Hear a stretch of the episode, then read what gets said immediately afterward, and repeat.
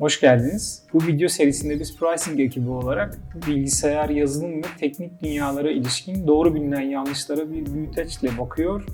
E, güncel olay ve haberleri e, bir miktar irdeliyoruz. Merhaba Neslihan ve Kaan. Merhaba. Merhaba abi. Hoş geldiniz. Bugün Neslihan bizimle birlikte. Nasılsın Neslihan? İyiyim. Sen nasılsın? İyiyim ben de. Teşekkürler. Neslihan e, pricing'in bugün var olmasını sağlayan teknik insanlardan biri. O olmasaydı pricing ya olmazdı ya çok eksik olurdu. Bence olmazdı. Ee, tekrar hoş geldin. Aslında hoş geldin demek doğru değil. Neslihan ev sahibi. Pricing ofisindeyiz biz. Dolayısıyla hoş geldin demek doğru değil ama programımıza hoş geldin demiş olalım. Hı, teşekkürler. Neslihan neler yapıyorsun bu aralar?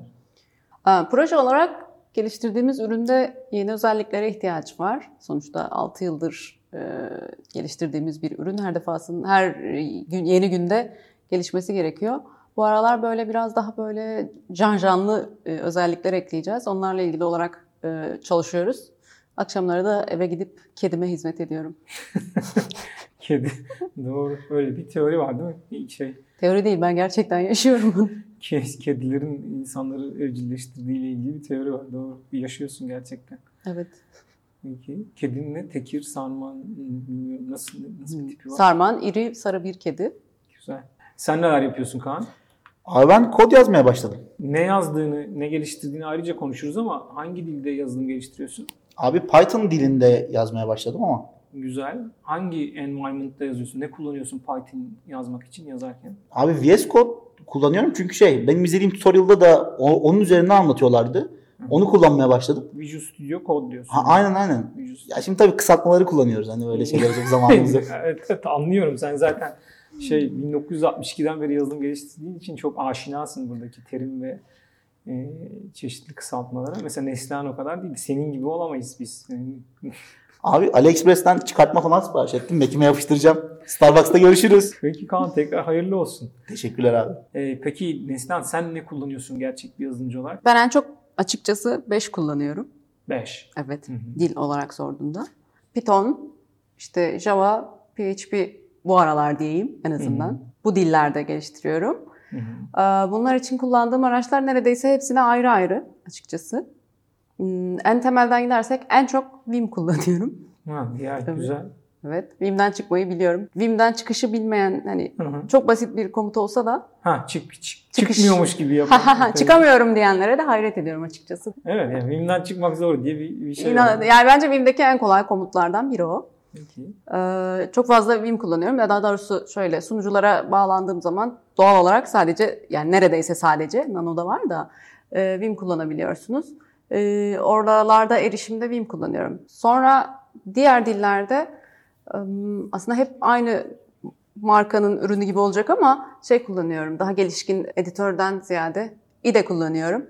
E, PHP için PHP Storm, e, Java için IntelliJ kullanıyorum. Aynı firmanın e, Python içinde PyCharm'ı var. Aslında öncesinde şeyle Eclipse'ler ne bileyim artık diğer e, IDE'lerden vesairelerden kullanıyordum ama ilk olarak e, PyCharm kullanmaya başladım. Ondan sonra diğer yani sevdim onu açıkçası. Oradan sonra da diğer dillerdeki araçları kullanmaya başladım. Bunlardan başka açıkçası bir de text editörü e, ihtiyacım oluyor başka şekilde olduğunda. Onda da Sublime kullanıyorum. Hı hı. Bu kadar. Kaan'cığım sen ne kullanıyorsun? Kaan sen bunların ne olduğunu biliyor musun? Abi yani bilmiyorum çok ihtiyaç da duymuyorum şu an. Peki bir ide nedir biliyor musun Kaan? Gerçekten biliyor musun? İde nedir? Ee, yok abi bilmiyorum. Aslında çok basit anlatayım. İde'nin yine sadece kelime karşılığına baksak yine zaten bir şeyler ifade edecek. İde'nin açılımı İngilizcesi IDE, Türkçe konuştuğumuz için IDE, IDE'nin açılımı. IDE bir kısaltma birincisi. Integrated Development Environment demek. Bütünleşik geliştirme ortamı anlamına geliyor. Yani yazılımcılar aslında kod yazarlarken birkaç tane alet kullanıyorlar. Bugün onlar çok yan yana durdukları için, çok bir arada bir paketin içinde geldikleri için tam farkında değiller ama birden fazla e, büyük gelişkin aleti kullanıyorlar. Bunlardan bir tanesi kodu yazdığın işte not defteri, bir text editörü e, gibi bir görüntüsü olan e, text editörü aslında metin editörü. İçinde kodları yazdığın, aktif olarak harfleri yazdığın metin editörü. Bir tanesi bu kod dosyalarını görüntülemene yarayan e, dizin gezgini diyebileceğimiz bir şey. Yani kodların içinde bulunduğu klasörleri, dizinleri yan yana gösteren, alt alta belli bir ağaç yapısını gösteren, istediğinde o dosyaları açıp kapatmanı yarayan bir e, dosya gezgini diyebileceğimiz bir şey. E, bir tanesi derlenen diller için e, derleyici, compiler.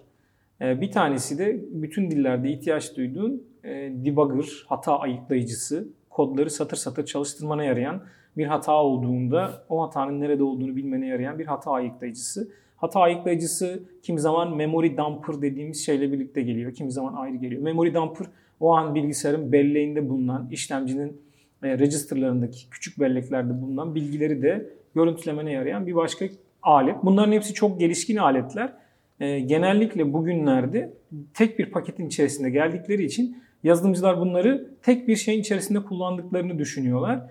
E, bu hepsinin bir arada geldiği pakete bütünleşik geliştirme ortamı diyoruz. İşte Nestla'nın saydığı biraz önceki Eclipse, NetBeans, e, JetBrains ürünleri olan IntelliJ IDEA, PyCharm, PHP Storm, e, Visual Studio Code. E, bunlar epey gelişkin aletler. Neslihan biraz daha old school takılıyor. E, VI kullanıyorum dedin mesela. Neden ve nerelerde VI kullanıyorsun? Vim kullanıyorum. Çünkü biraz önce de bahsettim sanıyorum. Ben gün içerisinde e, çok kez uzaktaki sunuculara bağlanmam gerekiyor. Bu yüzden orada biraz böyle şey gerekiyor. Efektif yani işte pratik olması gereken e, araçlar kullan, kullanıyorum. E, SSH ile bağlanıyorum doğal olarak hani genel olarak da hatta. SSH ile bağlanırken X üzerinden grafik arayüz oluşturmak, taşımak gibi işlemler tabii ki yapabilirsiniz ama bence hani biraz bant genişliği gibi bir sıkıntı var. İster istemez Türkiye'de bazen internet sorun olabiliyor. Bir de gerçekten e, çok küçük bir şey yapacaksanız, pratik bir işlem yapacaksanız böyle bir şeye de ihtiyacınız olmuyor. Bu ihtiyaçlarımı Vim'le karşılıyorum. Ee, sadece editör değil, hani geçmişi de e, tabii ki diğer editörlerin de geçmişi var ama epey bir geçmişi olduğu için gelişkin bir alet Vim. O yüzden Vim benim çoğunlukla ihtiyacımı karşılıyor. Güzel. Ee, sanırım bütün e, distrolarda iyi kötü kurulu geliyor. Yani benim kullandığım güncel ve popüler distrolardan, Linux distrolarından içinde VI, Vim kurulu olmayan herhangi biri yok gibi diye düşünüyorum. Yani dolayısıyla herhangi bir sunucuya bağlanınca bir de böyle bir avantajı var. Hmm, evet uzun zamandır ben Vim kurduğumu hatırlamıyorum. Hı hı. Aslında editör kısmına değinmiş oldum çoğunlukla burada. Şöyle bir durum da var. Hani geliştirme ortamıyla çalıştırma ortamı tabii ki hani böyle denk olmasını beklersiniz ama geliştirme ortamında daha fazla alet edevat vardır elinizde. Çalıştırma ortamında hazır olan kodu, programı gönder or- orada çalıştırırsınız. O yüzden böyle e, yani orada çok fazla debugger kullanmazsınız. Zaten hani gerçek ortamdaki kodunuz lütfen orada debug etmeyin yani. Öncesinde debug edin. Ama olur da ihtiyaç duyarsanız ki tabii ki ihtiyaç duyacaksınız. Yani Mesela bazı şeylerde işte bir Python kodu yazmışız, Python dosyası çalıştırıyorsak işte onu birkaç e, komutla e, terminalde debug moduna geçirebiliyorum veya herhangi bir şekilde bir şey yapmak istediğimde hemen Python dosya adı şeklinde çalıştırabiliyorum. Bunları ben komut satırı üzerinden birkaç komutla yapıyorum. Yani birkaç komutla elle yapmış oluyorsunuz aslında. Ama dediğim gibi daha pratik, daha çabuk olduğu için tercih edebiliyorum. Ama yani kendi bilgisayarımda çalışırken iyi de bunları benim yerime yapıyor. O yüzden çalışma, geliştirme ortamında IDE'yi tercih ediyorum. E Nesna abla bu Vim bayağı iyiymiş yani. Ben bunu malum ortamlarda bulabilir miyim? Ben nereden download edebilirim ya bunu? malum ortam torrentini indirebilirsin. Vim yani orijinal adıyla VI açık kaynak kodlu geliştirilen ücretsiz bir yazılım. E, dolayısıyla kullandığın aletin içerisinde muhtemelen zaten vardır. Ben yani senin Mac kullanırken görüyorum. Mac'te VI kurulu galiba. Değilse de e, ücretsiz bir şekilde kurabilirsin. Malum ortamlara gitmene gerek yok. Bu o tarz bir yazılım değil. Sen malum ortamlara başka nedenlerle gidersin zaten Kaan'cığım. E, bu VI konusuna değinmişken bir de Emacs diye başka bir e, editör daha var. Bu ikisi e, Unix, Linux taraflarının e, epey güçlü silahlarından ikisi. Çok güçlü editörler, text editörler. E, Neslihan gibi sunucularla daha içli dışlı olan insanlar VI ve Vim o taraflara aşinalar. E, kimileri de Emacs kullanıyorlar. E, Emacs çok kabaca. Bazıları Emacs'in içinde yaşıyor.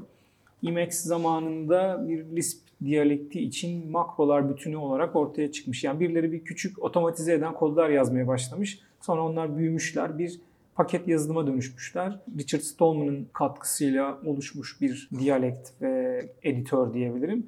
E, VI'da eskiden ED diye, ed, edit'in kısaltması, ED diye başka bir e, text editörü var.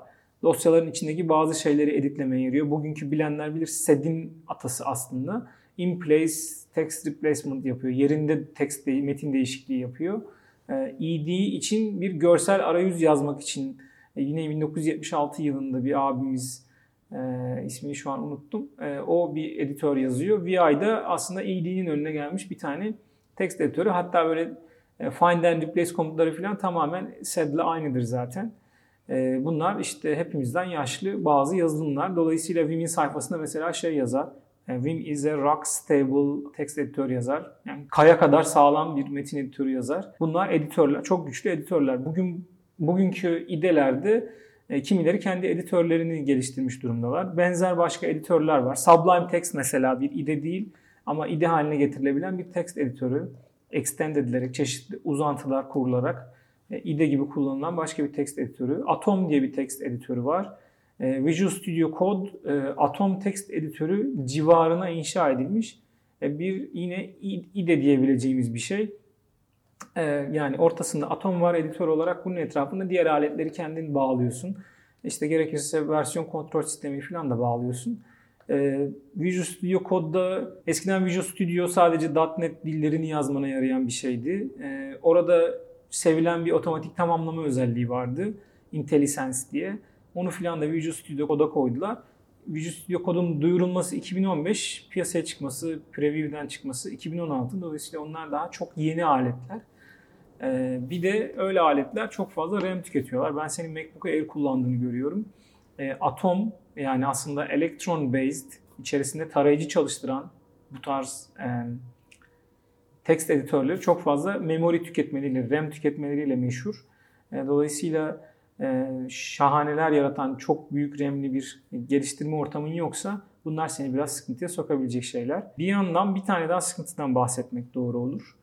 E, JetBrainz'in ürünleri çok güzel. Ben de seviyorum. Bir yandan şöyle bir şey var. Yani Eclipse var aslında açık kaynak kodlu idelerin babası diyebileceğimiz. İnsanlar JetBrains ürünlerini bir şekilde kullanmaya başlayınca ya da herhangi bir firmanın ücretli idelerini, ücretli derleyicilerini, ücretli editörlerini kullanmaya başlayınca açık kaynak kodlu yazılımların kullanıcı sayısı azalıyor. Dolayısıyla oralardaki talep düştüğü için geliştirmeleri de bir miktar yavaşlamış oluyor. Böyle bir tehlike var. Yani bugün daha iyi özellikler sunuyor diye hepimiz birden özgür olmayan ücretli yazılımlar kullanmaya başlarsak ileride kullanmak istediğimizde özgür ve ücretsiz yazılımlar bulamayabiliriz. Böyle bir risk var. E, bundan bahsetmek doğru olur. Ya ben VS Code kullanıyorum şimdi hani gayet de memnunum. Bak sticker'ını falan bile aldım yani. Değiştirmeye gerek var mı şimdi? Yani başka bir şey demin söylediğim nedenleri göz önüne alarak kullanıp kullanmamak sana kalmış. E, bir de herhangi bir dilin ya da bir ortamın, geliştirme ortamının fanatiği olmaya gerek yok. Mühendisçe düşünmek faydalı olur. Yani herhangi bir alanda herhangi bir probleme daha iyi bir çözüm sunan bir alet varsa onu kullanmayı öğrenmek, bilmek faydalı bir şey. Bir şeyin fanatiği olursan mesela şeyde bu olmuştu. iOS eskiden Objective-C diye bir dille yazılıyordu. Bazıları Objective-C fanatiğiydi. Bir gece Apple dedi ki, gece dediğim Amerika saatiyle Türkiye'de gece. Dedi ki e, biz Swift diye başka bir dil yazdık ve Swift kullanmaya başlayacağız dedi. Ve o gece bazı insanların CV'leri eksildi. Yani ben işte 3 yıllık 4 yıllık Objective-C deneyimim var yazıyordu CV'sinde adamın. Onun fanatiğiydi mesela. Yani geceden sabaha Objective-C diye bir dil obsolete oldu, yok oldu artık kullanılmaz hale geldi. Herhangi bir şeyin fanatiği olmaya gerek yok. Hele de o şey bir şirketin ürünüyse o şirketin güdümünde kalmamak faydalı. Ötekilere de aşina olmak senin için faydalı olur. Hiç bilmiyorum demektense yarın Visual Studio Code bilmiyorum yeni bir versiyon çıkardığında her şey bambaşka değiştirmişse senin bilgilerin aniden yok olabilir. Dolayısıyla aletlerin kendine değil kavramlara aşina olmak lazım. Neslihan senin eklemek istediğin, tavsiye edebileceğin bir şeyler var mı? Özellikle Kaan gibi genç yazılımcı arkadaşlarımıza. Aslında çok güzel denk geldi. Ee, ben bir yazılımcının veya işte gerçekten kendini yazılımcı olarak tanımlamak isteyen insanların e, destekleyici olarak bu alanlarda kitap okuması gerektiğini düşünüyorum. Buna inanıyorum. Kendim de bunu uygulamaya çalışıyorum. Açıkçası söyleyip söyleyip kendim yapmıyor değilim. Yeni bitirdiğim bir kitap var ve gerçekten hani yazan abiyle keşke tanışabilsem. Çok iyi, çok eğlenceli. Aslında konu e, şey veri yapıları, algoritmalar çok temel e, konular. Ama böylesi bir ağır olan, ciddi gerçekten e, bilgisayar biliminin temel taşlarından biri olan konuyu Böyle işte metroda okunacak hale getirmiş. O şekilde anlatmış. Evet. İsmi biraz uzun. Bu kitabı tavsiye ediyorsun. Evet. Hayır değilmiş. Bu kitabı tavsiye ediyorsun doğru mu? Evet okudum. Baştan sona kadar okudum. Ee, konuları biliyorsanız çok güzel bir şekilde tekrar ediyorsunuz.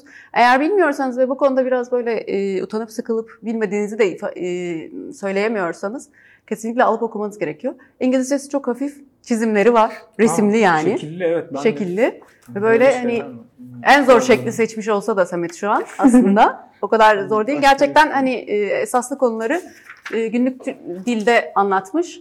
Tıpkı önceki bölümlerde bahsi, geç, bahsi geçen Cem Sayın kitabı gibi. Güzel. Teşekkür ederiz. Bence çok iyi bir tavsiye. Bu haftalık bu kadar. Neslihan şeref verdiğin için teşekkür ederiz. Hoşçakalın. Ben teşekkür ederim. Görüşmek üzere. Bye.